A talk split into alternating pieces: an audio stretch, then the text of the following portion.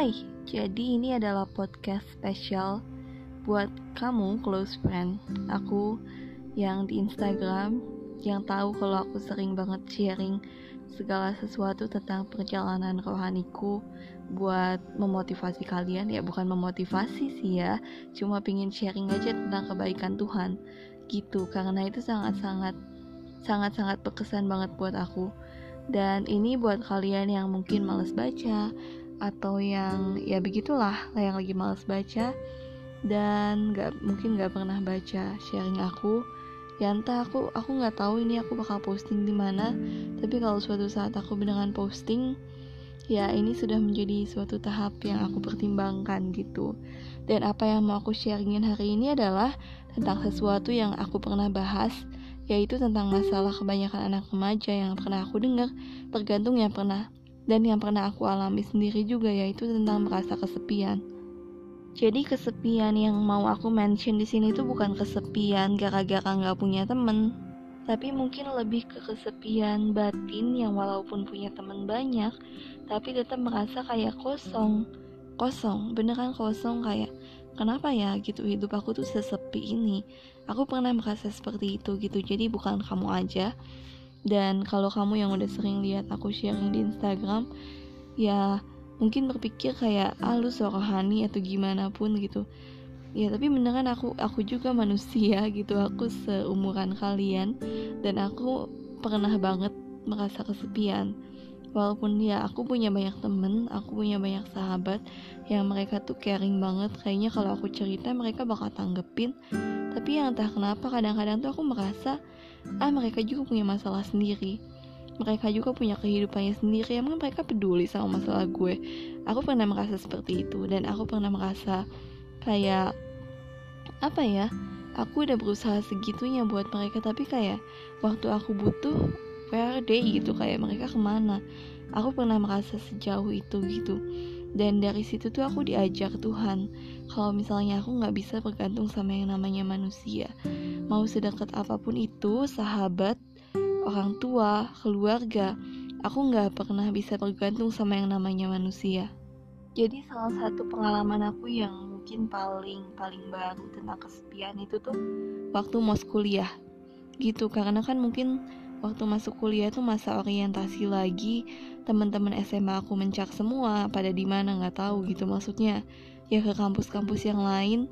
Dan waktu itu aku masuk jurusan di Cafe Binus dan di DKV Binus oke okay, ada cewek dari sekolah aku yang dulu tapi gak deket.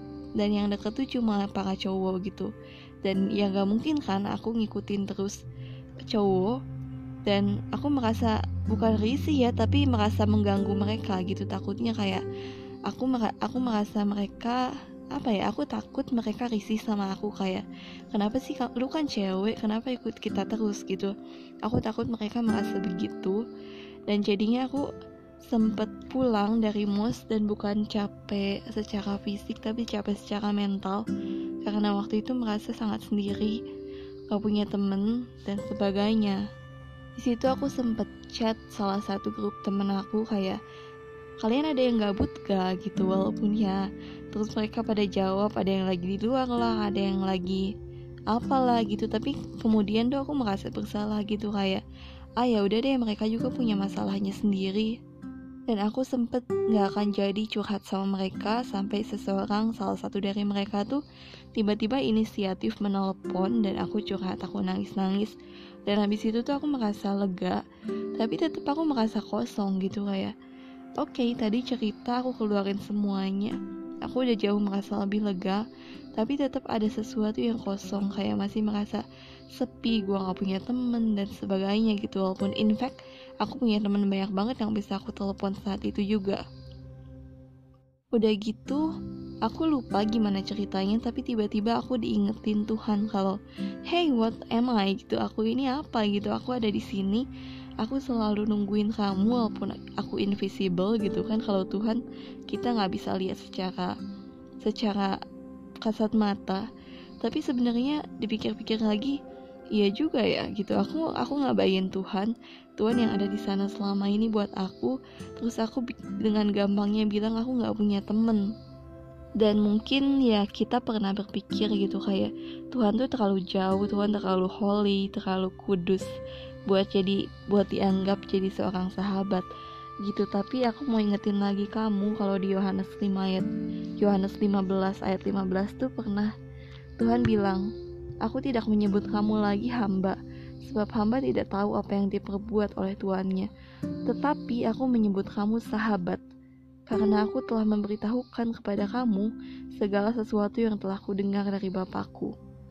Gitu tapi ya mungkin ayat itu sendiri nggak nggak cukup membuat kita ingat gitu kalau Tuhan itu adalah seorang sahabat.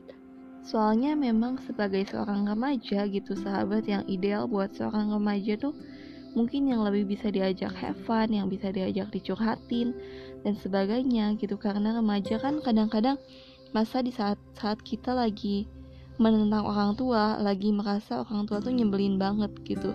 Tapi ya saat itu pula kita butuh temen.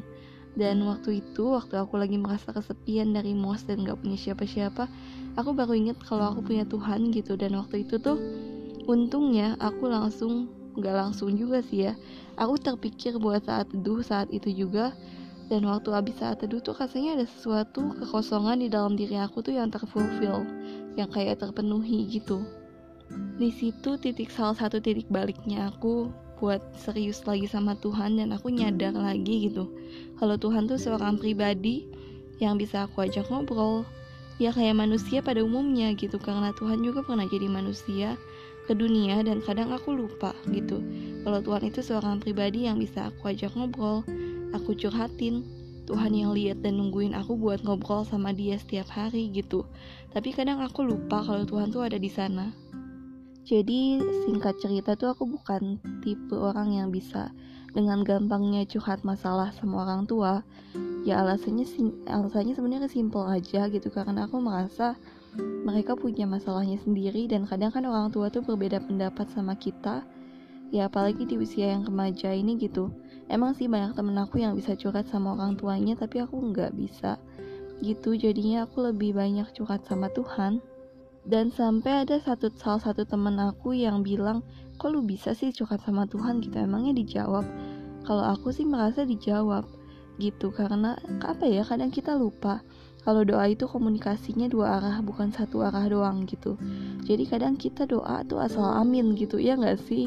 Kadang kita doa tidur cepet-cepet karena udah ngantuk atau doa makan cepet-cepet karena udah lapar tapi sebenarnya doa tuh komunikasi yang lebih dua arah gitu. Jadi selain kamu ngomong sama Tuhan kamu juga harus tanya Tuhan mau ngomong apa? gitu. Karena kadang lewat itu juga kita dilatih buat ngobrol sama Tuhan. Mungkin terasa gila gitu ya kayak ngapain sih gue nungguin jawaban yang kayak kira-kira ada dan kira-kira enggak gitu. Waktu pertama-tama aku ngobrol sama Tuhan tuh aku merasa begitu juga. Tapi lama-lama aku merasa biasa aja nungguin jawabannya Tuhan dan gimana sih caranya aku tahu itu jawaban dari Tuhan atau bukan? Caranya itu adalah dengan membandingkan sama Alkitab gitu. Kalau misalnya jawabannya yang kerasa di hati aku itu eh, selaras sama kata-kata Alkitab, oh berarti itu jawaban Tuhan. Atau bisa juga kita minta tanda kayak Tuhan bener nggak nih Tuhan ngomong kayak gini. Dan kadang-kadang Tuhan tuh kasih tanda gitu kalau emang dia yang ngomong kayak gitu gitu dia yang beneran jawab kita. Contoh sepelenya sih dari ngobrol sama Tuhan sehari-hari, biasanya aku habis doa, aku kadang-kadang minta ayat. Kayak Tuhan apa sih yang mau Tuhan sampaikan hari ini lewat ayat Alkitab. Kadang-kadang aku minta ayat dan Tuhan kayak kasih satu ayat di dalam hati aku gitu walau aku gak yakin tapi kayak kerasa aja ada seseorang yang ngomong di dalam hati aku ayat A gitu lalu kadang aku buka dan ayat itu tuh beneran apa yang lagi aku alami sekarang itu aku merasa Tuhan jawab aku banget. Itu berarti yang ngomong benar dari Tuhan. Aku kadang nge-confirm dengan cara seperti itu. Lalu seiring aku biasa ngobrol sama Tuhan aku jadi belajar bahwa cuma sama Tuhan aku bisa nangis-nangis. Cuma sama Tuhan aku bisa nangis-nangis dan merasa nggak merasa kosong lagi gitu. Apa pun masalahnya tuh waktu aku curhat sama Tuhan dan aku minta jawaban sama Tuhan kayak Tuhan gimana nih gimana nih kapan pun di mana pun gitu. Bahkan kadang Tuhan ngomong sama aku random banget. Entah lagi di kelas waktu lagi ketemuan sama temen atau bahkan lagi di mobil lagi jalan ke mana. Tapi kadang-kadang apa ya um, hal-hal yang random itu lebih berarti gitu daripada aku ngobrol sama temen aku nanya dulu dia lagi ada masalah atau enggak apakah dia bisa dicurhatin dan sebagainya gitu. Apalagi kan jawaban temen kadang-kadang ambigu kayak sabar ya gitu sabar ya oke okay, itu benar juga. Tapi jawaban Tuhan jauh lebih jelas buat aku. Dan jawaban Tuhan kadang-kadang misal aku curhat masalah sama Tuhan dan Tuhan lebih jawab ke aku kayak sabar sebentar lagi aku punya sesuatu yang aku siapin buat kamu di depan kalau kamu mau sabar. Coba buka ayat ini gitu. Dan aku dapat peneguhan gitu. Dan aku dapat peneguhan dari Tuhan kalau aku harus terus sabar aku terus harus endure masalah ini gitu kalau masalah itu bakal mendewasakan aku aku lebih banyak belajar buat dewasa dengan curhat sama Tuhan daripada curhat sama temen Oke, okay, nggak berarti kamu harus berhenti curhat sama temen. Kamu boleh-boleh aja curhat sama temen, tapi jangan lupa juga buat tanya sama Tuhan. Karena walaupun kamu tanya sama temen, ya itu sih. Jawaban temen tuh ambigu banget, ya nggak sih? Kayak kadang-kadang temen kamu cuma jawab sabar ya. Sementara kalau kamu nanya, gimana nih Tuhan? Tuhan bisa kasih jawaban dan solusi yang pasti buat kamu. Bahkan dari nanya sama Tuhan dan dikasih ayat-ayat yang baru tuh kadang aku sampai jadi merenungkan ayat itu, jadi mikir, jadi mendewasakan diri juga. Terus kalau kamu mikir aku nggak serohani kamu itu bohong banget, bohong banget. Jadi ya roh Tuhan itu bukan ditentuin dari seberapa rohaninya kamu, enggak banget.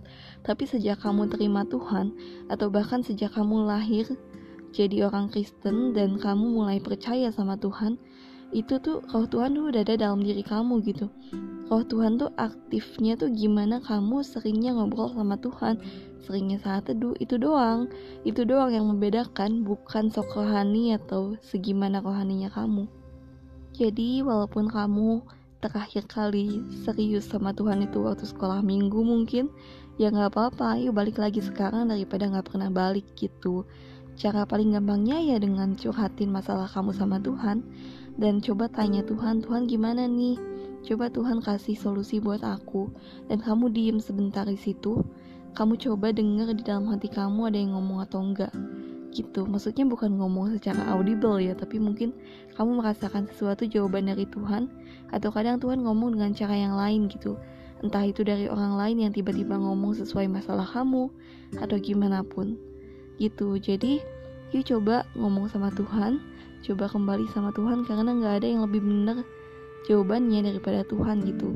Kadang-kadang walaupun ada temen yang curhat sama aku aku selalu saranin sama mereka buat ngomong dulu sama Tuhan.